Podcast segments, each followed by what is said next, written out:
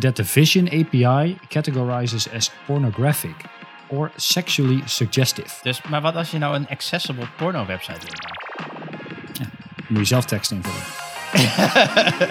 Check.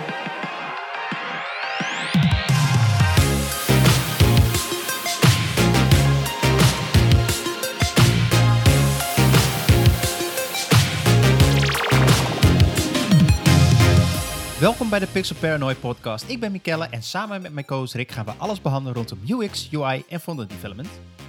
En eh, ja, vandaag hebben we weer een normale aflevering zonder een gast. Gewoon alleen met ons tweeën. Met allemaal onzin onderwerpen. Nee. Onzin. Nee, nee, dit is, dit, ja. Ehm, ja, en ehm, ik heb nog niet heel veel mensen op eh, Telegram zien joinen, hè? Nee, we zijn nu bij een select, select groepje. dus kom op Telegram. Ja. Want ik weet dat de mensen luisteren. Kom op Telegram.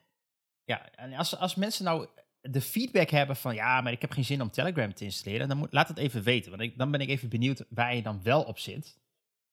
Misschien moeten we verkassen dan of zo naar, eh, weet ik veel, iets anders. Eh, maar dat kunnen we dan altijd nog bepalen. Dus als je, als je daar feedback over hebt, ga dan even naar eh pixelparanoia.com of op Telegram. ja, of vriend van de show kun je Oh ja, reacties ja, geven op vriend de van de show kan het ook. Ja, nee, goeie. Check. Alright, eh, laten we beginnen met een mooie aside. Ja, ik kwam iets eh, tegen. Zoals ik altijd tegenkom. Eh, en Rust- het heet... rustig aan het eh, wandelen in het bos. Ja, in mijn mailbox was ik aan het struinen.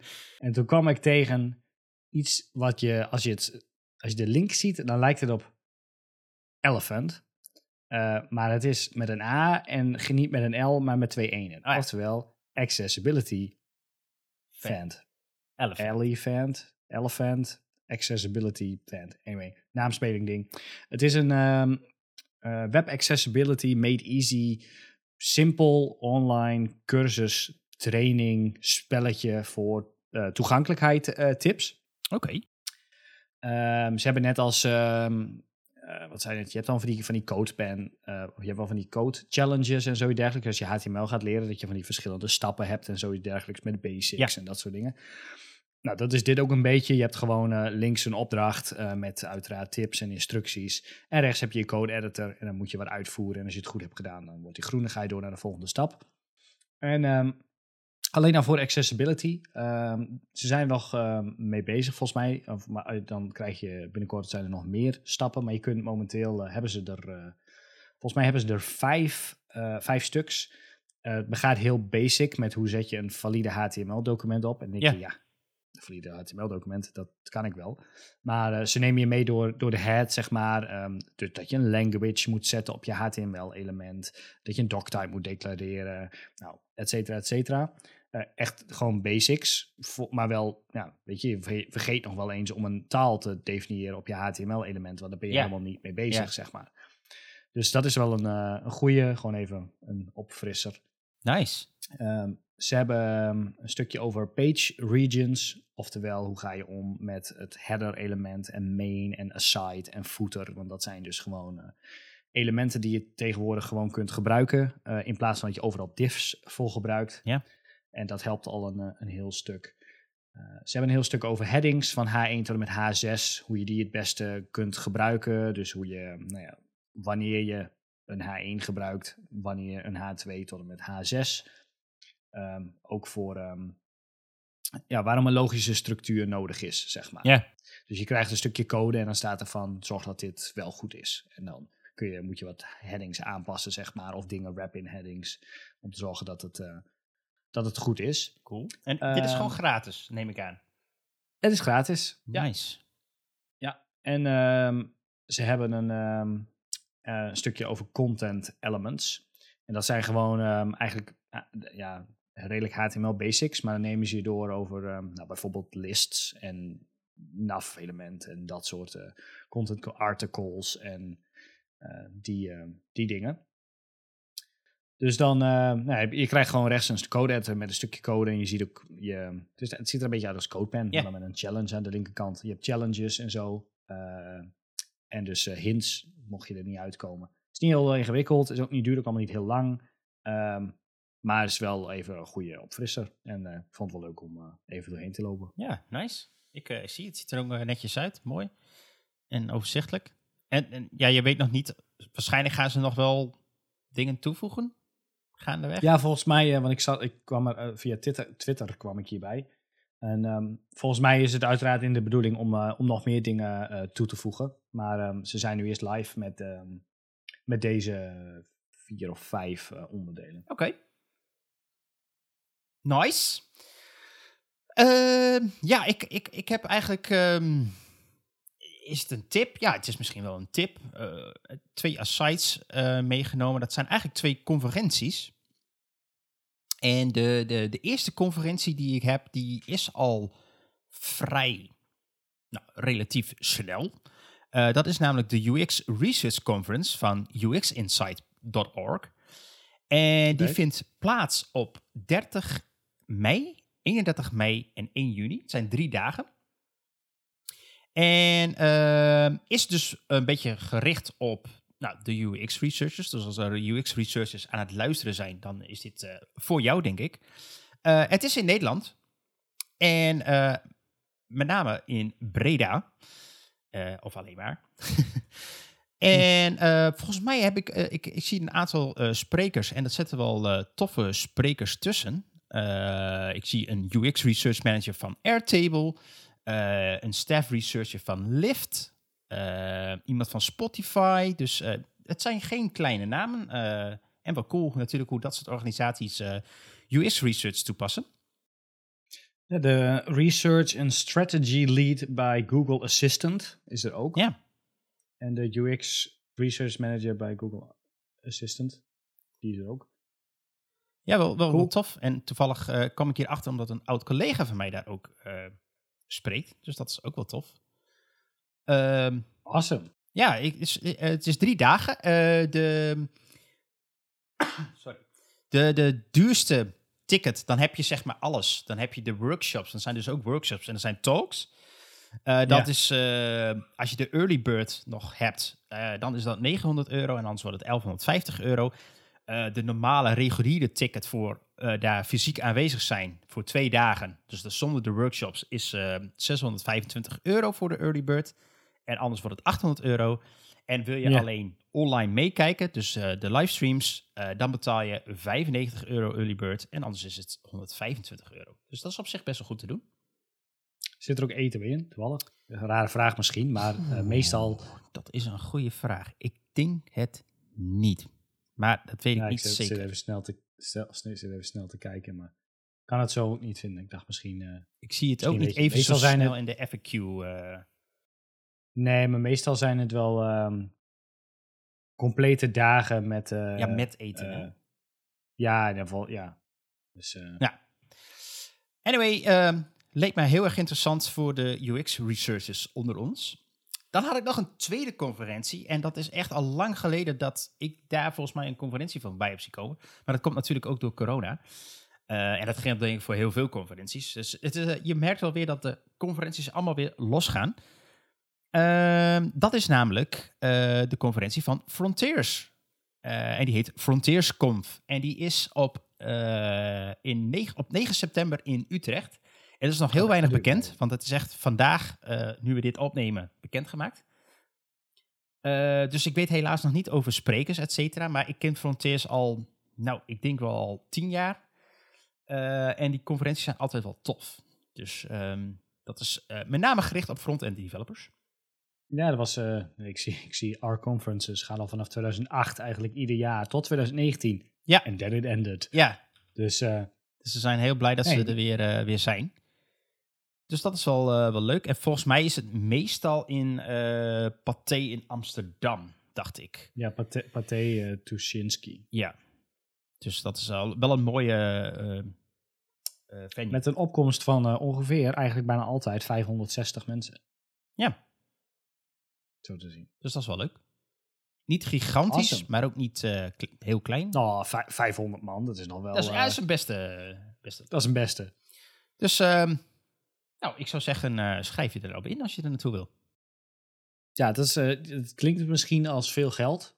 Ja, als je het zelf zou moeten betalen. Maar eh, als, je, als je je werkgever weet te overtuigen om je hierheen te laten gaan, het is echt, het is wel echt een aanrader. Ik ben een paar keer, een paar keer, dat, zie je niet, maar, of misschien wel, maar hier hangen een hele rits aan Ik, ik, badges van, ja, kun je het zien of kun je het niet ik zien? net niet, maar het, het ligt volgens mij aan de verhoudingen van de... Van het beeld, Ja. ja. check. En mensen die luisteren zien het helemaal niet. Maar achter mij hangt een hele rits aan van die badges die je krijgt als je naar van die conferenties gaat. Met je naam en eh et cetera. Maar eh, je leert daar echt superveel eh mensen kennen. Ehm, er zijn allemaal sprekers ehm, van grote bedrijven. Mensen die toffe tools hebben gemaakt. Die je misschien dagelijks gebruikt. Bijvoorbeeld de oprichter van NPM was ik bij een conferentie waar ik was. Laurie Vos. Die eh, gaf eh, nou, insights over hoe NPM wordt gebruikt en wat er zoal op staat. En de shift tussen nou ja, va- van de verschillende talen en packages die aan werden geboden, zeg maar, eh, in de loop der jaren. Dus, ehm, ja, en, en, en wat hebben we nog meer? Makers van, eh, van fonds die een presentatie geven over hoe ze een bepaald fonds hebben ontworpen en waarom het, nou, waar, hoe ze dat gedaan hebben. Ehm, tot hele super technische dingen van het opzetten van, van, van, van toffe dingen. Er was een meisje die ehm, kwam uit Canada volgens mij en die ging naar Amsterdam toe. En die wilde geen internetbundel kopen. Of het, het was nog hartstikke duur destijds. En toen had ze een, een server opgezet ehm, thuis, een, een andere nodeserver, waarbij ze dan met één sms'je met een paar keywords kon ze dan naar haar nodeserver sms'en. En die parste dan een volledige website.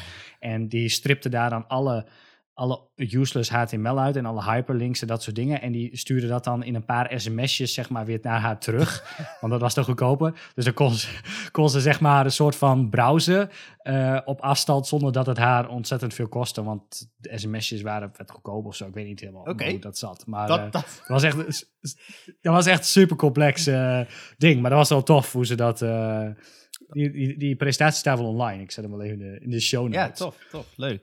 Dat, eh, Oh, dat is wel, eh, wel cool. ja, ze ging die hele page parsen en dan ging ze alle, alle linkjes ging ze eruit strippen, zeg maar, en alle useless HTML. En eh, ehm, ze ging ehm, ehm, volgens alle code ook nog weer door een soort van synoniemenlijst runnen om woorden te verkorten, zodat ze niet de extreem lange woorden terugkreeg. Maar dat was bij JSConf in eh, 2019 in Berlijn.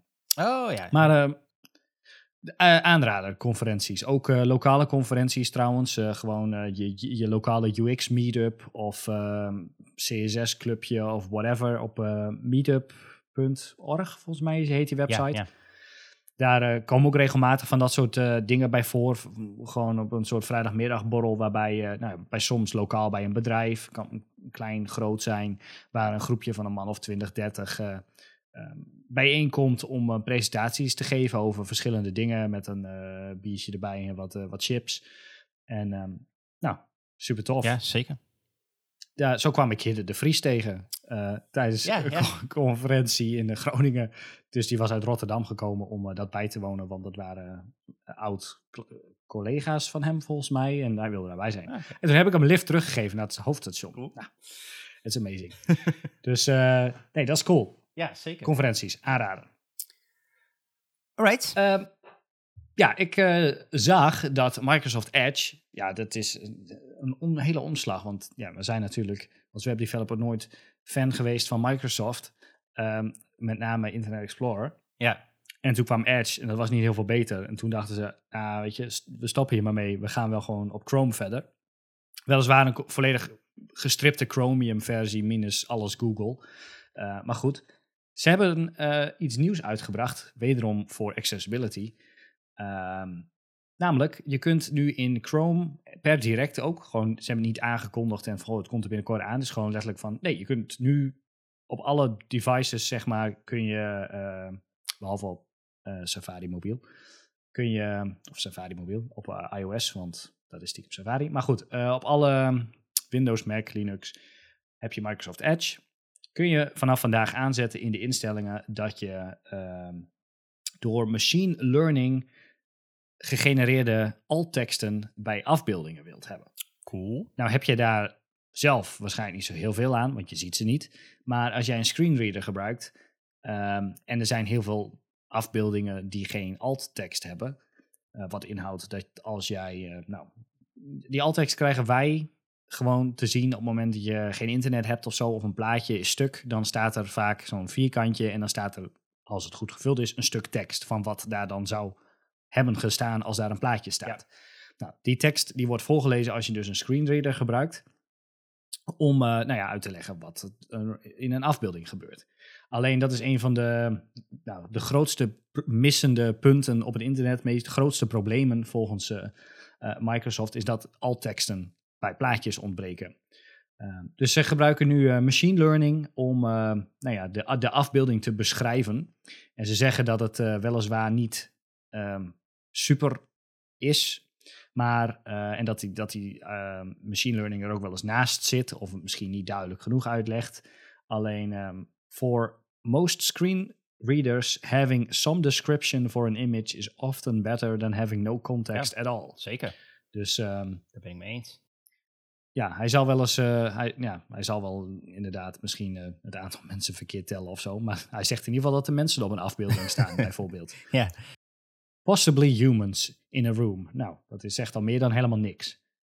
Dus, uh, en het werkt in Engels, Spaans, Japans, Portugees en Chinees. Alright. Dus niet in Nederlands. Dat is nog niet in maar, het Nederlands, uh, oké. Nee. Nou, wie weet. Dus dat vond ik wel een toffe, ja, toffe toevoeging. Het is, Houdt niet in dat je dan nu dus geen altteksten meer bij je afbeelding moet toevoegen, maar... Nee. Ik ben wel benieuwd naar, want ik laat wel eens de alttekst leeg met opzet als een afbeelding daadwerkelijk geen toegevoegde waarde heeft. Um, of hij dan nu alsnog daar iets gaat bij beschrijven. Dat is een goeie. Ja. En terwijl ik dat zeg, zie ik dat hij dat niet doet voor plaatjes kleiner dan 50 bij 50 pixels. Ah, Oké. Hele grote afbeeldingen. Images marked as decorative. Dus dan moet je er inderdaad. Uh, roll, roll is Mm -hmm. opzetten volgens mij. Yeah. Um, oh. Or images that, that the Vision API categorizes as pornographic or sexually suggestive. Dus hij gaat je geen uh, boobs. Uh, dus, maar wat als je nou een accessible porno website wilt maken? Ja, moet je zelf tekst invullen. Ja, oké. Okay. Precies. Dus dat in uh, this week's Microsoft Edge. Check. Misschien moeten we er een audiosegment hiervan maken. Alright. Uh, ja, ik, ik, ik, ik kwam toevallig een tweet tegen en dat ging over uh, de blauwe hyperlink. Waar komt nou eigenlijk de blauwe hyperlink vandaan? Heb jij een idee? De blauwe hyperlink? Ja. Uh, nou, ja, want ik heb dat artikel gelezen. Oh, oké. Okay, althans, ik heb, ja, ik heb het artikel gelezen, maar volgens mij stamt het terug ver, ver, ver naar, ik dacht uiteindelijk wel Microsoft. Of zeg ik dat fout? Nou, uh, het is een combinatie, denkt men. Uh, er was ergens een tool en daar gebruikten ze Cyan voor. En ik, nou, ik ben alweer vergeten waarom, maar go ahead. Ja, want het, het, artikel is geschreven door, door Mozilla. En, en uh, iemand heeft eigenlijk proberen uit te zoeken van nou, hoe ver ga, kunnen we teruggaan naar systemen en browsers om erachter te halen waar nou die blauwe hyperlink uh, vandaan komt. En ze beginnen dus ook echt in 1964 met Project Xanadu. En uh, daar zie je eigenlijk dat als er pagina's zijn, het was helemaal nog geen internet, internet bestond al helemaal nog niet, dat was helemaal geen ding, maar dat is wel een, een, een visuele representatie tussen pagina's en links daartussen, dat waren lijntjes. Ja. Oké, okay, dat is nog niet heel wat. Um, maar uh, uh, de eerste underline uh, op buttons bijvoorbeeld, of op knopjes, die is gemaakt door Windows 1.0 in 1985. Dus daar begonnen knopjes eigenlijk een underline te krijgen. Onder de woordjes. Bijvoorbeeld een oké-knop of zo. maar die was ja, niet zag, het ook blauw. wel, zag het er ook al uit als een knop? Ja. Of gewoon echt alleen een... Het, het was wel echt een knop, dus ook omlijnd. eh, met het woordje oké in dit geval erin. En volgens mij En dan ook nog een underline. En dan nog een underline, ja. ja. Oké. En volgens mij hadden alle actieve buttons daar hebben eh, een underlijntje. En ook als je een, ehm, eh, een inhouds, inhoudsopgave had, zeg maar, dan hadden de items daarin ook allemaal een underline. Dus dat is, wel, dat is wel goed om te weten, dat het daar al een beetje begonnen is. Nou, er zijn er nog allerlei andere browsers gekomen die dat wel een soort van of overgenomen hebben, of meer een andere buttonstijl hadden. Maar degene die een blauw heeft gemaakt, dat komt wel echt ehm, eh, pas later. Want ik zit nu al even in 1990, Windows 3.0, die had het nog niet. Eh, dan gaan we nog verder. Er komt er een in 1992, Viola WWW. Die had wel al links, maar die waren inderdaad gewoon zwart en underlined. Dus dat was wel al een browser. Eh, Windows 3.1, eh, die had het ook nog niet. Ehm, en dan komt een van de eerste is Cello Beta. Ehm, Ja, ik ken hem wel. ja, ik ken het dus ook niet. En ik wist, dat was dus created at the Cornell Law School. Eh, zodat eh, lawyers eh, legal websites konden benaderen via hun Windows computers. Dus daar was een specie- specifieke browser voor gemaakt. Ja. En dat was dus nog gewoon inter, intranet. Dus dat was geen internet, denk ik. Waarbij wel bepaalde documenten, documenten geraadpleegd konden worden. En daar zaten dus linkjes in die blauw waren en underlined. Ehm, maar daarvoor dus nog Maar nooit. Dus 1993 ook- was de eerste keer. Er was een interview ook met die, met die professor die volgens mij op die school eh, aan, dat, aan, dat, eh, aan dat ding heeft gewerkt, dacht ik. En die heeft uitgelegd waarom ze daarvoor hebben, waarom de linkjes daar blauw werden. En Nou ja, wat ik hier eh, lees, of wat men denkt dat erachter zit. Ik, ik heb hier staat dus niet het originele, degene die dit verzonnen heeft, dat niet. Maar wat deze eh, persoon die dit blog-item heeft geschreven, denkt vooral dat het, omdat je eh, tekst was zwart. En Ja. dan had je wel links en die kon je dan wel underlinen. Maar dat was misschien nog niet genoeg contrast om aan te geven dat je erop kon klikken. En daarom hebben ze misschien gekozen voor blauw. En dat kwam ook een beetje in dezelfde tijd dat er ook eh, kleurenschermen kwamen, zeg maar, voor computers. Dus het heeft, heeft een Ja. beetje allemaal met elkaar te maken. En blauw was blijkbaar toen ook wel een hip thema. Eh, Windows 3.1 gebruikte ook wel veel blauw.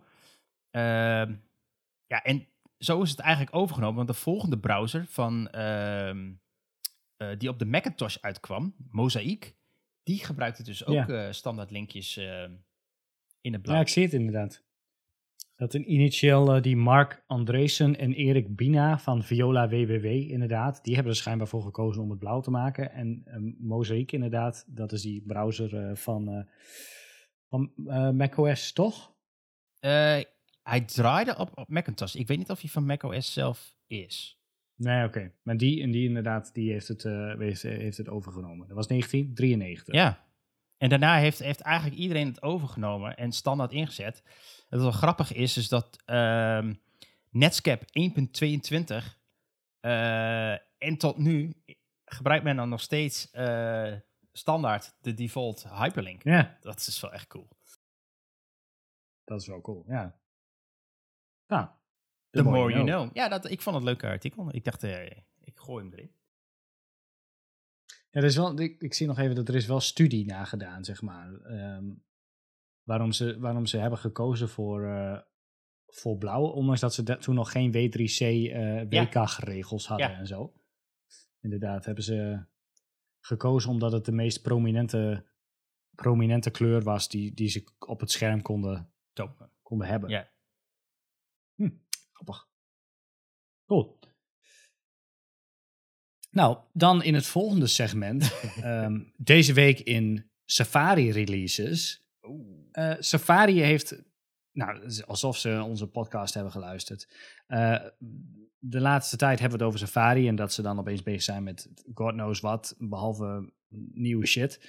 Ehm, maar Jen Simmons, volgens mij semi-hoofddeveloper, aanstuurder van het Safari-team bij, ehm, bij Apple, die eh, is redelijk aan het doorpakken geweest. Eh, en deze week kwam Safari 15.4 uit. Ehm, Nice. ik zie niet in de Safari-nummers, maar 15.4 is de laatste versie. En daarin hebben ze een hoop eh, dingen, echt een hoop dingen ingebouwd en doorgevoerd die eh, de rest al jaren heeft. Te beginnen bij lazy loading voor images op HTML. Ehm, waar je dus in normaal op je image tag loading is lazy kunt zetten in iedere browser. Wat inhoudt dat hij die afbeelding dus niet gaat laden op het moment dat hij nog niet in beeld is. Uh, maar dat werkte niet in Safari. Werkt nu wel in Safari. Nice. Um, ze hebben een dialogue element toegevoegd. Maar daar ga jij volgens mij Ja. zo meteen Ja. wat over vertellen. Ehm, dus even kijken, wat hebben ze nog meer gedaan? Eh, ze hebben het autofocus ele- attribuut toegevoegd. Ehm, wat inhoudt dat je dus nu inderdaad kunt autofocussen op een veld op het moment dat de pagina laat. Ehm, maar dat kon in Safari niet. Dus als je dan zo'n vet coole conversation... Nee, nee, dat werkte niet. Niet in Safari op iOS. Als je zo'n coole, wat is het, eh, conversational UI Ja, ja, ding ja. wilde hebben. Ja. En je wilde dan autofocus op een veld zetten van hey, eh, je, de pagina laat, je kunt gelijk beginnen met typen en je toetsenbord komt omhoog. Werkte niet in Safari. Oh, Je moet wauw. altijd op veld klikken voordat je toetsenbord omhoog kwam. Nu niet meer. Nice. Ehm, we zijn ook bezig geweest met CSS. Namelijk, voor het eerst, maar dat hebben we vorige week ook al eh, behandeld, is de dubbele punt has selector dus doorgevoerd in, Ja, ehm, ja. in Safari. Nice. Wat inhoudt dat je dus nu een officiële parent selector hebt. Dus je kunt nu je kaartjes selecteren als die een knop in zich heeft, bijvoorbeeld. Dat kon normaal niet, want je kon niet checken of er iets in een element zat, Nee, zeg maar. nee. Je kunt wel de, de button in een kaartje selecteren, maar niet het kaartje als er een button in zat. Dus dat kan nu wel. Eh, dus dat is cool. Ook hebben ze toegevoegd de Cascade Layers, eh, waar we het ook al over hebben gehad. Wat inhoudt dat je dus nu je CSS-styles kunt categoriseren ehm, in layers. In dezelfde manier als dat dat in Tailwind bijvoorbeeld eh, gebeurt. En wat dat in het kort inhoudt, dat je ehm, styles kunt toevoegen of toewijzen aan een, aan een layer. En die layers die bepalen vervolgens de... Ja, de ehm, volgorde, de be- belangrijkheid. ja, de, nou ja, de, de cascading, De cascading, eigenlijk. Ja. Eh, wat inhoudt dat als jij bij wijze van een layer aanmaakt met third-party styles. En daarin include jij, of jij include Bootstrap en je zegt jij zit in de layer eh, third-party styles. En je include ook eh, styles voor je datepicker en styles voor je ding, weet ik veel. Moet je allemaal niet doen. Maar goed, stel je doet dat. Dat zit dan allemaal in zijn eigen, eigen layer. Dan kun je vervolgens een nieuwe layer maken die ehm, hoger is dan jouw third-party styling. En alle styling daarin is gewoon per definitie overruled die de styles van de lagere layer. Ja. Dus je hoeft niet meer in je Bootstrap thema straks, in je WordPress thema, ehm, extreem lange classes te gaan verzinnen met HTML en body.dit.sas.zo. ja, om het maar eh, om- specifieker te maken. Om het maar specifieker te maken om die buttonkleur te overschrijven of zoiets dergelijks. Omdat zo'n WordPress thema helemaal tot de nok toe gevuld, gevuld zit met allemaal mogelijkheden, zeg maar. Ja. Eh, dan is letterlijk gewoon button color red overschrijft gewoon een extreem lange ehm, eh, declaratie in eh, die eerdere layer style. En dat is super tof, want wederom je toegankelijkheid. Ehm, je kan namelijk eigenlijk een toegankelijkheidslayer maken Hmm. Die altijd alles overruled. Ehm, dus dan heb je met je focus styling of je contrastdingen of whatever je wil aanpassen, zeg maar. Dat overruled gewoon altijd alles. Ehm, dus je zit ook nooit meer, nou ja, wat ik net zei met je third-party styles. Die kun je in zijn eigen layer toevoegen. Ehm, en je kunt vervolgens je eigen styles altijd gewoon daarboven zetten. Ja. Zonder dat je moeilijk hoeft te doen met, oh jee, zou die het wel overschrijven? Moet het niet specifieker of met importance of andere hacky manieren? Je kunt gewoon eh, ja, zoveel layers maken als je wil. Dus je kunt een, base layer maken voor je base styles en misschien iets voor kleuren, third-party styles, animaties, accessibility, you name it. Ehm, en je kunt dan ook dingen gewoon nou ja, toewijzen aan, aan layers. Dus dat is, ehm, ja, tof.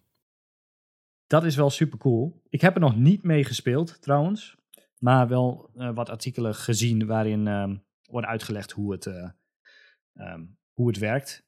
Dus dat is wel cool. Dus Safari is hier dan volgens mij, dacht ik, ook de eerste in. Ja, er is nu een... eh, Chrome had ook eh, iets met hash. Zag ik. Ja, has, maar ehm add layer oh, wordt- Layer weet oh, ik niet, inderdaad. Eh, dat... Eens even kijken. Edge sinds 3 maart. oh, Oké. Firefox heeft het sinds 8 maart. Chrome heeft het sinds 1 maart. Safari heeft het sinds 14 maart. Nou, kijk aan. En Safari on iOS ook sinds 14 maart. nou, dat is toch best top. Eh, En Android browser 1 maart. Dus het is verser dan dit ga je ze niet krijgen.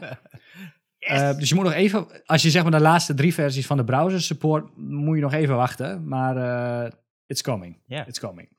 Dus dat is tof. Dan zit er ook in CSS.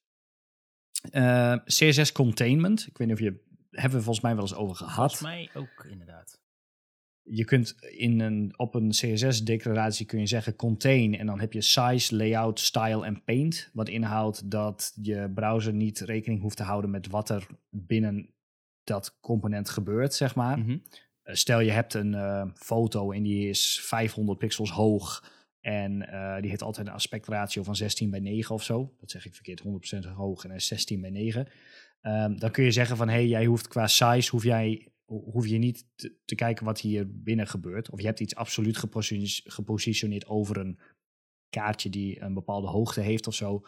Dan hoef je, nou, kun je zeggen van, hey, ehm, contain size of contain layout of style of paint. En dan eh, gaat je browser daar verder niet meer over nadenken, zeg maar. Dan gaat hij niet kijken of dat nog invloed heeft op de rest van de pagina. Dan skipt hij dat gewoon. Dus dat is wel handig. Ehm, het is niet direct een enorme performance boost. Je moet het wel goed toepassen en specifiek toepassen op bepaalde eh, cases. Maar het kan een verschil maken Ja. bij, bij bepaalde eh, zaken. Ehm, ze hebben ook een hoop pain points opgelost in Safari. Alright. Althans, ze schrijven ze zelf als pain points. Eh een van de dingen, ja, ik vind ze ook pain points hoor, daar niet van.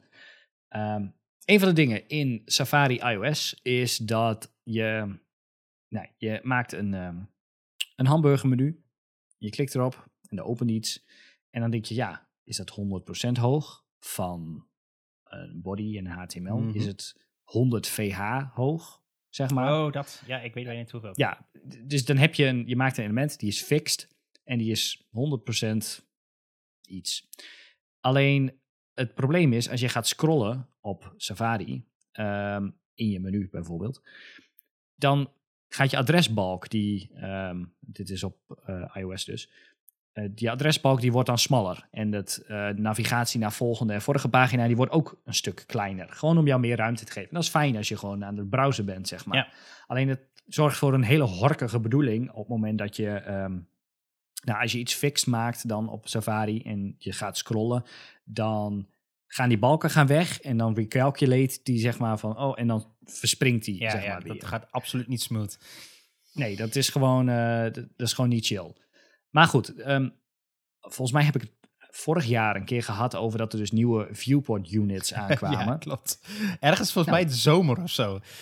Precies. Maar wij, ze zijn Ja, er ja, nu, ja, namelijk ehm 100. eh, ze noemen het trouwens Dynamic Viewport Heights. En ze heten ehm 100 DVH? SVH. Oh. Ja, ja, DV, ja, je hebt 100 SVH, wat is, dat is Smallest Viewport Height. Oké. Dus dat is als je balken zichtbaar zijn. Ja. Vraag me niet waarom je die wil gebruiken, maar dat kan. Je hebt 100 LVH, dat is de largest possible viewport height. En je hebt 100 DVH, Ja. dat is 100% de dynamic viewport height, meaning value will change as the user scrolls. Check. Dus je kunt nu eindelijk iets een 100 DVH meegeven, eh, waardoor die inderdaad dus eindelijk meeschaalt, gewoon vloeiend met, nou ja, als je balken eh, zeg maar weggaan. Dus dat is wel, ehm, dat is wel cool. Eh, en ze hebben natuurlijk ook gelijk een aantal nou, small viewport with, large viewport with, een dynamic viewport with. Nou weet ik niet, een dynamic viewport with. Misschien te kantelen? Dat dat iets doet? Ja, maar wat verschijnt er aan de zijkanten dan? Ja, niks. Geen idee. Ehm, dus even kijken. Nou ja, en ze hebben nog een rits aan Of is- andere... Nou, ik, ik, nee, die notch... Houdt hij rekening met die notch of niet? Nee, hè? Als je hem kantelt. Volgens mij niet. Nee, volgens mij is Nee. dat gewoon eh, een stuk wat je, waar je zelf rekening mee zou moeten houden. Ja, daar heb je die inset padding Ja, voor, ja. volgens mij. Klopt. Nou goed, Nou, ja. eh, dat zit er nu in. Ik ga daar in ieder geval de Dynamic Viewport Height van gebruiken. ja. Eh, en omdat ze dachten van, weet je, dit is su- super tof. We gaan ook gelijk voor de Logical Dimensions. Ah, Oftewel de inline en de block heights. Dus je hebt de nou, smallest viewport inline, nou, et cetera, et cetera. En dus de blok. En dan is de inline is dus eh, links en rechts. Oftewel je width en je blok is dan je, ehm, De hoogte. je hoogte. Ja, boven en beneden. Cool. Inderdaad. Eh, en ze zeggen dat ze andere browsers tijdens Interop 2022, hey, die had jij het vorige week over, ehm, gaan encouragen ook ehm, met deze units te gaan werken. Nou, is die dynamic viewport height, al zou dat alleen een Safari-only ding zijn, dan vind ik het ook, denk ik, goed. Want eh, die 100% hoogte op Android werkt altijd wel gewoon goed. Ja. Ehm, alleen op Safari niet. Dus nou ja, als zij dan nu dit voor hebben, dan vind ik het hartstikke mooi. Eh, dan ignoren andere browsers dat toch wel. Next up. Ja, ik ga gewoon door hoor. Focus Visible. Ah. Ook weer een toegankelijkheids accessibility eh, ding. Eh, dubbele punt Focus Visible. Voor de mensen die eh, niet bekend zijn met wat het is. Ehm, je hebt focus styling als je met je toetsenbord door een website heen gaat. Eh, dus je tapt door een website heen. Dan zie je van die stippellijntjes of zo'n zwart randje om alles wat je ehm, kunt aanklikken, zeg maar. Ehm, dat is verplaatst naar eh, de selected dubbele punt focus visible in plaats van dubbele punt focus. Eh, omdat mensen natuurlijk vaak de op- opmerking hadden, als je met je muis op een knop klikt, dan wordt hij dus eigenlijk ook gefocust Ja. en dan zie je dus zo'n zwarte rand eromheen. Terwijl je dat eigenlijk niet zou willen voor Muisgebruikers. gebruikers die Nee. niet, ja, muisgebruikers inderdaad. Ehm, dus je kunt nu met Focus Visible, eh, alleen dat werkt in Safari niet, maar nu dus wel, kun je eindelijk je focus styling verhuizen naar Focus Visible, waardoor alleen mensen die met hun toetsenbord door de website gaan dat zien.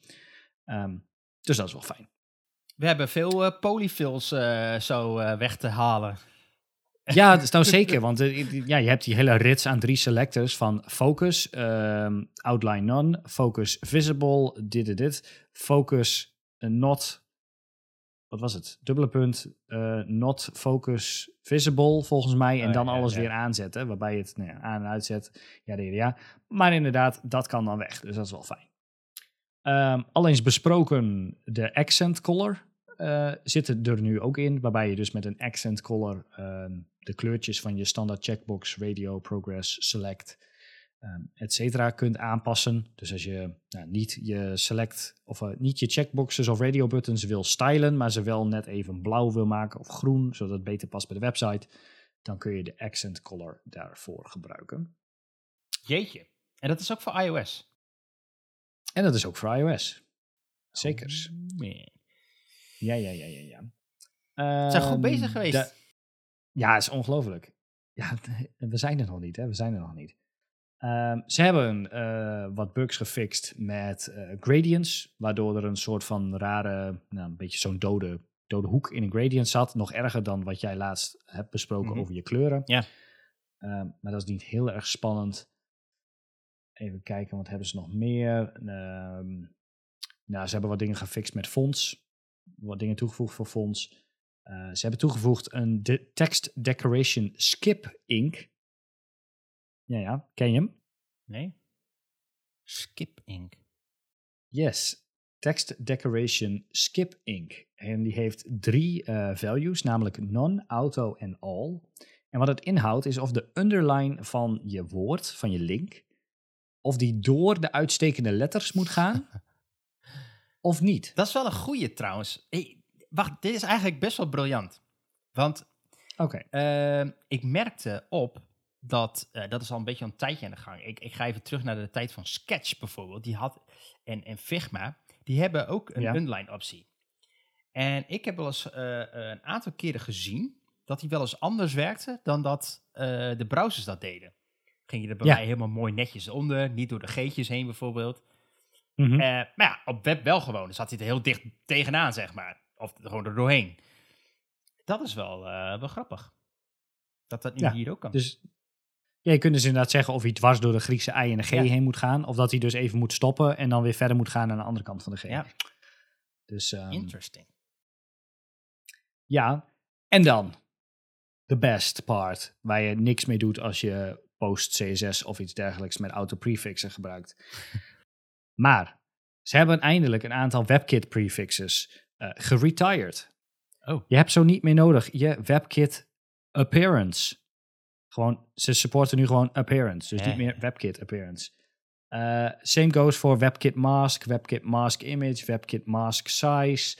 Uh, nou, et cetera, et cetera. Ehm, niet meer WebKit Backface Visibility. Um, dus even kijken, wat hebben ze nog meer? Ze hebben een aantal dingen weggehaald, namelijk non-standard CSS properties, WebKit Border Fit, WebKit Margin Collapse. Dat was iets wat ze schijnbaar hebben toegevoegd als je wilde dat margins niet gingen collapsen Hmm. en wel gingen collapsen. Als je margins zowel aan de bovenkant als aan de onderkant van een element Ja. hebt, dan collapsen die standaard, tenzij het flex is. Ehm, nou ja, dat hadden ze een ding voor, hebben ze eh, weggehaald, want dat was niet meer nodig. Nou, dan hebben ze nog een aantal dingen in web API's en JavaScript aangepast. eh, gewoon om mee te gaan met de tijd. Ehm, je kunt nu de makkelijke searchen in arrays. Ehm, ja, ze hebben nog wat andere dingen toegevoegd. En volgens mij was dat het wel. Eh, beste lijst. Ja, ik zit nog even te kijken of er nog wat is. Nou, wat security dingetjes, wat extensies. Hm. Hmm, stukje improvements voor de web app manifest voor, ehm eh, hoe heet het? PWA's, Oh, P- Progressive ja. Web Apps. Ja. Dus ehm, Nou, cool. Nou, Eh, dat. Dus, eh, al geldt het misschien wel voor een kleine selecte groep. Het is toch fijn dat zij ook meegaan. ja, In ieder geval voor de iOS-gebruikers. Die zijn er denk ik wel meer. Ja, en, en nou oké, als dan cherry on top, ze hebben ook nog de inspector wat aangepast, waardoor je dus nu eh, ook met als je Flexbox typt, zeg maar, wat je in Chrome en dingen ook al hebt, dat je dan de alle mogelijkheden ziet met icoontjes, net als in Sketch en Figma, dat je dingen wil uitlijnen. Nou, dat zit er nu ook in de Ah, inspector. cool. Dus eh, we're getting there. Ja. Go Jen. Ja, heel goed bezig. En inderdaad, jij, jij gaf al aan van eh, de dialog element. En dat is eigenlijk een beetje nu, eh, eh, volgens mij ook Safari het nu ondersteunt. Kun je het nu gewoon daadwerkelijk gaan gebruiken volgens mij. Want ik, ik, ik kan even snel kijken, maar volgens mij is de dialog nu, helemaal- nu helemaal... eh, ja, IE11 niet, maar dat is logisch. Edge, Firefox, Chrome, Safari. Yes, they all got it. Maar wat kunnen we ermee? Wat kunnen we ermee? Ja, dat is wel interessant. Want het is dus een, eh, een HTML-element.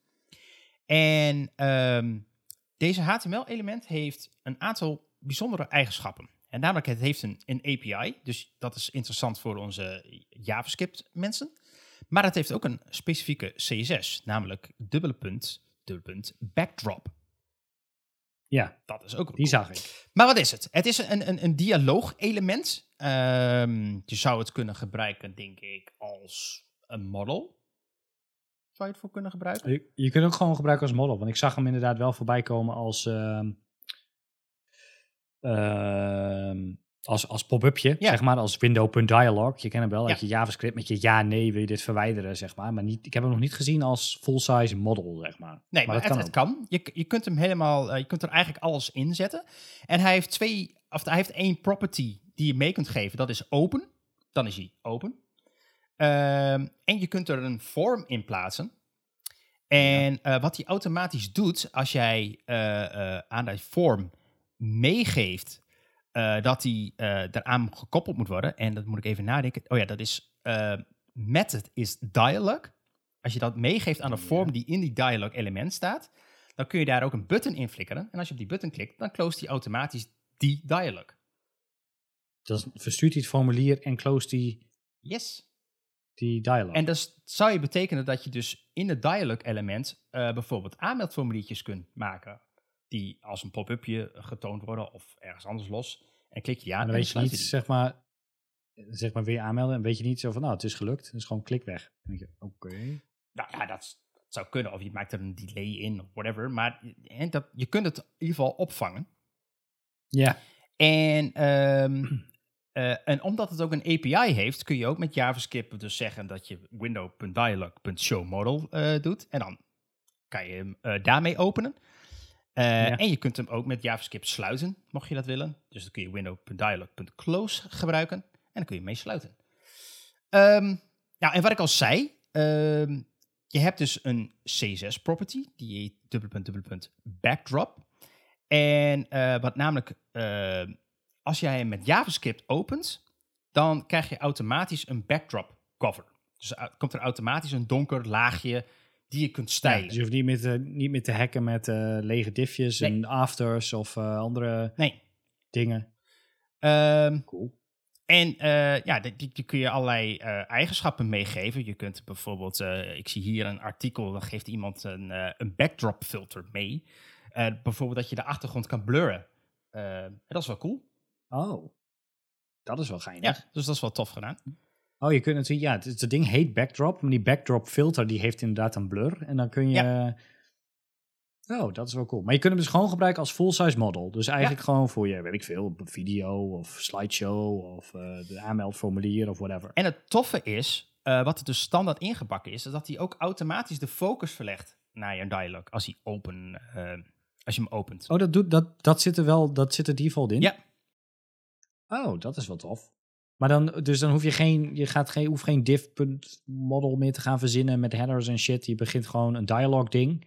Yep. En dan kun je gewoon met je JavaScript dat ding aanroepen van dialog.open in plaats van dat je zegt van, eh, weet ik veel, eh JS open op een div van je model of zoiets dergelijks. Ja, en, en wat dus eh, mooi is qua accessibility, en daar is het nou heel handig op, want hier hebben we natuurlijk allerlei jarenlang code voor geschreven om dit allemaal te doen. Ja. Maar dat zit er dus nu allemaal standaard ingebakken. En dus ook voor voice-over, of eh, eh, een, eh, Ja, eh, wordt het ja maar een van de, cri- een van de criemen was altijd, je gaat vervolgens met een, een, een div ga je een model stylen, zeg maar. En je moet een, een, een zwarte achtergrond hebben en je moet een heel stuk JavaScript schrijven om die focus te trappen als hij, als hij in die model zit, zeg maar. Dat je dus niet eh, ehm, uit de model kunt tabben zonder dat je de model sluit, omdat je anders eh, je, je focus verlegt eh, op elementen ergens anders op de pagina, zeg maar. Dus dan moet je daar een stuk voor maken, dat je alleen maar van nou ja, kruisje, content, ja, ja, ja, eh, weer terug naar het kruisje. Ja. Dus dat hoeft allemaal niet meer. Nee. En je hoeft ook geen dingen meer te gaan pielen met classes en zo. Het is gewoon, dat dialogue ding is er gewoon en die is Ja, en je kunt, hem dus, zichtbaar. je kunt hem dus ook stylen op basis of die open of dicht is, zeg maar. Eh, want dat is die property die hij mee heeft gekregen. Dus ja, ook basis daarvan kun je in CSS zeggen van hoe die eruit moet zien. En die Eh, pro- hoe, heet, die- hoe heet die property dan? Nou, je kunt gewoon, eh, eh, zeg maar, open. Dus je kunt Oh, gewoon dialogue, oh, gewoon ja, open. open. Oh, net als hidden, gewoon open. Exact. Awesome. Dus Dat is wel vet. het- het- ik vind het echt een super chill, accessible, standaard element wat we zouden kunnen inzetten. Dus ja, het is wel tof. En je kunt er alles in doen wat je maar wil. Het heeft geen... ehm, het is dus wel zo dat als jij een, een, een, eh, een formulier erin doet en je geeft dus die method mee eh, van die dialog. en die dialog heeft, die- je kunt de ID's eraan koppelen, zeg maar. Dus de, de dialog heeft een ID met dialog. En dan kun je zeggen daarin, method is dialog. Dat, zo weet Ja. hij de link. En kun je hem daarmee sluiten. Dus dat is wel, wel tof. Vet. Dat is wel cool. Is, ehm, ja, ik denk dat ik die eh, wel eh, ga gebruiken in de toekomst. Ja, ik zou niet weten eigenlijk waarom je dat ding, waarom zou je in godsnaam nu nog alle moeite doen om zelf een model te gaan schrijven als je dit ding kan stijlen zoals je wil en hij heeft eigenlijk alles ingebakken wat je zou willen. Ja, ik, eh, en als ik, het, als ik dit, ik heb er nog niet in detail naar gekeken, maar als ik dit zo een beetje door heb, zou je het zelfs kunnen animeren. Want je kunt op basis van of hij open is, ja of nee, kun je Ja. transitions doen en allerlei andere fancy shit. Dus eh, volgens mij kun je het best wel cool maken. Awesome, dat is wel vet. Dus eh, die wou ik nog even, eh, even melden. Is amazing. Ik wist niet dat hij zoveel kon. Ik had wel voorbij zien komen, want hij stond featured op MDN vorige Ja, week. ja. Maar ehm, ik had hem nog niet, ehm, nog niet zo bekeken. Nou ja, en Dat hij is dus eh, nu beschikbaar ook in jouw, eh, in de laatste Safari-update. Dus dan is hij eigenlijk Ja. in alle major browsers nu beschikbaar. Dus dat is wel echt awesome. Prachtig. Man, dat web, dat wordt nog wat. Het is ongelooflijk. Ehm, ik had verder niks meer. Ik weet niet of jij nog onderwerpen hebt wat jij nog wil bespreken. Ik scroll, scroll door mijn lijstje en daar staat in ehm, how to implement and style a dialogue element. Maar ehm, heb ik dus nog nooit over gehad. Staat nog op lijst. Hoeft niet meer. Nee, voor de rest niks, eh, niks bijzonders. Ik kwam er, ja, nou, geinig. ik kwam erachter dat eh, de stijl van ehm, bepaalde. Heel veel websites hebben tegenwoordig een beetje zo'n zo'n zo'n eh, karikatuur. eh, nou, dat zeg ik niet, karikatuurstijl. Een eh, bepaalde illustratiestijl. Ja? Ehm, van poppetjes. Ja. Het zijn allemaal van die. ehm, we hebben het ook wel eens gehad over Pablo Stanley met zijn, met zijn humans, inderdaad. Ehm, Dropbox en Stripe en al dat soort dingen hebben allemaal van die, ja, van, van die, van die poppetjes met heel veel ronde vormpjes en zo dergelijks. Hele lange benen en, ja, armpjes en eh, dat soort dingen. Ehm, en schijnbaar, eh, dat is wel geinig, dat wist ik niet, is dit een, een eh, geometric art style die in 2010, maar toen zat ik dus nog helemaal niet in het web, al super populair was. En het heet Corporate Memphis. En het was zelfs uninspired en dystopian was het destijds. Nou, daarna is het gewoon een dood gestorven. Maar in 2020 en 2021 is dat weer, nou, weer opgekomen, zeg maar. En nou ja, nu gebruik ik dus inderdaad eh, ehm, Facebook en Stripe en Dropbox en dat soort dingen. Hebben allemaal van die anima of allemaal van die ja, illustratiestijlen, zeg maar. Ik wist helemaal niet dat dat toen al... Interesting. Ja, het heet eh, ook wel Big Tech Art Style, Human of Flat, eh, Flat Art Ja, ja. of Corporate Memphis dus. En als je het ziet, dan herken je het gelijk. Het zijn gewoon van die eh, ja, generieke, Ja, ja. geen gezichtuitdrukkingen, gewoon van die hele simpel getekende poppetjes met jasjes en, en, en, en broeken, zeg maar, die dan achter een computertje zitten of uitleggen hoe iets werkt. Of weet je, dat standaard ja, ani- animatie, illustratiestijl. Ik moet... Was dus in 2010 al helemaal hip. hip. Ik was er niet bij. Check. Ah, nice. Oké. Dus eh, Ehm, zullen we door naar de voeten? ja, Heb jij iets voor in de voeten? Toevallig. Ja, dus, dus normaal heb ik een hele rits aan dingen die ik wel zou kunnen verzinnen. Maar ik heb niks nieuws gekocht. Eh, anders dan dat ik nog steeds op mijn Google Stadia speel. Wat nog steeds een topding is. Ja, dat, is, Ehm, dat is iets. Dus dat is iets. Aanraden nog steeds. Als je dat nog niet hebt. Google Stadia. Kijk ernaar. Ehm, maar ja, dan, dan ga ik toch een YouTube kanaal aanraden. Ehm, en die gast heet Kreffy. Oh. Eh, Daan. Ja, ik weet niet hoe zijn achternaam is. Daarom heet hij ook Cref- cref- ja, ja. Kref, Kref. Daarom zei hij ook, niemand weet hoe mijn achternaam uit. Daarom noemen we maar gewoon Kreffy. Eh, maar dat is een gast uit, ehm uh, hij woont nu in ieder geval in Groningen. Student, volgens mij, denk ik, eh, op YouTube. En hij maakt echt super goede cinemo, cinematographic, cinemografisch, wat is het woord? Zeg maar goed gefilmde Oh ja, ja, ja. video's. Check, check, check. Ehm, gewoon echt solide, met solide voice-over, Ja. zeg maar. Echt haast een professionele productie. En dan, eh, nou, ja, misschien heb je zijn video's wel eens een keer voorbij zien komen. Dan gaat hij eh, zijn eigen Uber Eats restaurant starten. En dan gaat hij diepvries pizza's verkopen en zo. En eh, hij, hij maakt allemaal van die video's van, eh, nou, dat hij 1000 euro wil gaan verdienen met, nou, klusjes of zoiets dergelijks. En dan gaat hij eh, de hele dag voor Uber Eats werken, gaat hij de hele dag voor thuisbezorgd werken, gaat hij de hele dag vakantiehuisjes schoonmaken. Ehm, allemaal van dat soort, dat soort dingen, zeg maar. Ging zijn eigen, eigen kledinglijn ging die starten, zeg maar, om te kijken hoeveel werk dat was. Dus hij ging iemand betalen om iets te designen, zeg maar. En dan ging hij zelf t-shirts kopen. En had een vriend die een drukkerij slash kledingmaakbedrijf ding had. Dus ging hij zelf alle t-shirts ja, knippen. ja. En dan nou, ging hij dat vervolgens zonder winst, ging hij dat dan, ehm, of nou, met 1 euro winst of zo, ging hij dat dan verkopen. Nou, super toffe Hij video's heeft in ook iets met, met, eh, met bitcoin volgens mij gedaan, of in crypto. eh probeer je ja, te eh, worden? ja, inderdaad. Precies. Kan ik inderdaad, eh, ehm, ja, kan ik daytraden? Nou, het antwoord was nee. dus dat was de- inderdaad, ja, hij ging zijn eigen NFT verkopen en zo. ja, wel En, leuk. ehm, ja, dat soort, eh dat soort dingetjes. En hij reist ook wel naar eh, bepaalde landen en daar maakt hij eh, hele toffe video's over. Dus hij heeft nog maar 60.000 subscribers. Ehm, tip. Check. Nice. Eh, ja, ik denk dat iedereen dit misschien inmiddels wel al allemaal al heeft gezien. Maar ik heb het vorig jaar als tip gegeven. En ik ga het gewoon dit jaar weer als tip geven. Je moet het de, de laatste Drive to Survive seizoen gewoon kijken. Als je Formule 1 fan bent. Of misschien Maar zelfs als je niet- eens Formule 1 fan bent. een inkoppertje. Ja, het is wel een beetje een easy, want ik wist ook eh, even verder niks. Maar dat is wel toevallig wat ik net eh, gekeken heb, afgelopen weekend. Weer heel veel afleveringen lopen bingen.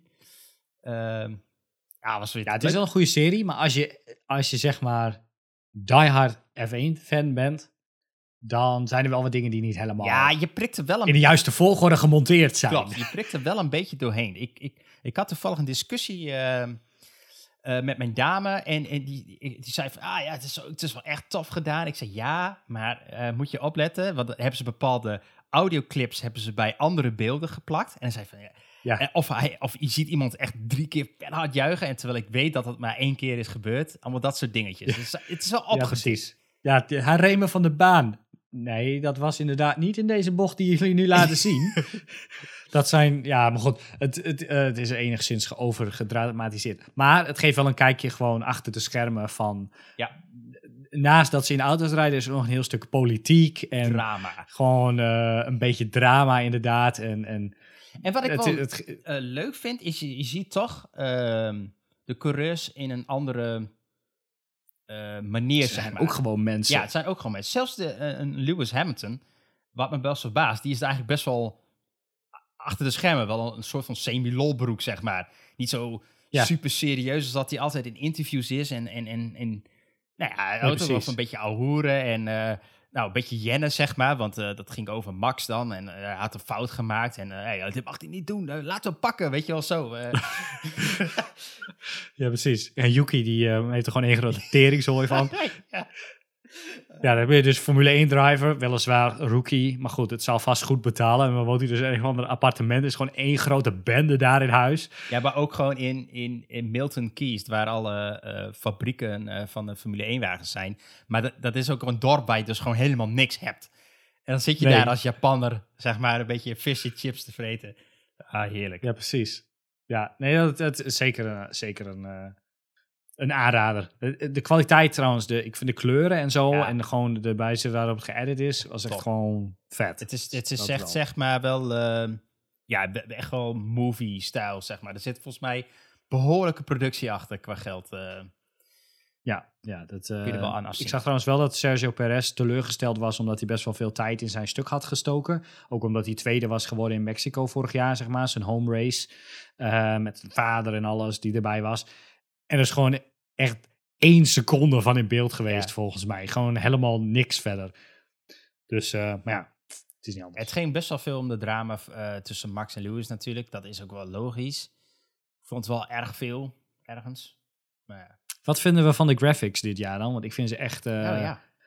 achteruitgang, trouwens, Ik, UX-wise. eh, ik, ik heb meerdere mensen horen klagen. Sowieso dat, dat dingen niet allemaal even goed leesbaar waren. Die, die nummertjes in de, in de tijdenlijst, ik, ik snap het niet zo goed. Die Ja, van die- die- eh, Aston Martin zijn niet eens leesbaar. Nee, die, ik vind de, sowieso de positie was vorig jaar gewoon een zwarte letter in een wit cijfertje. Ja. Gewoon vooraan. Nou, dat, dat is nu niet meer zo. Nu is het een beetje grijs op zwart. Ik denk, ja, hm, hm, hm.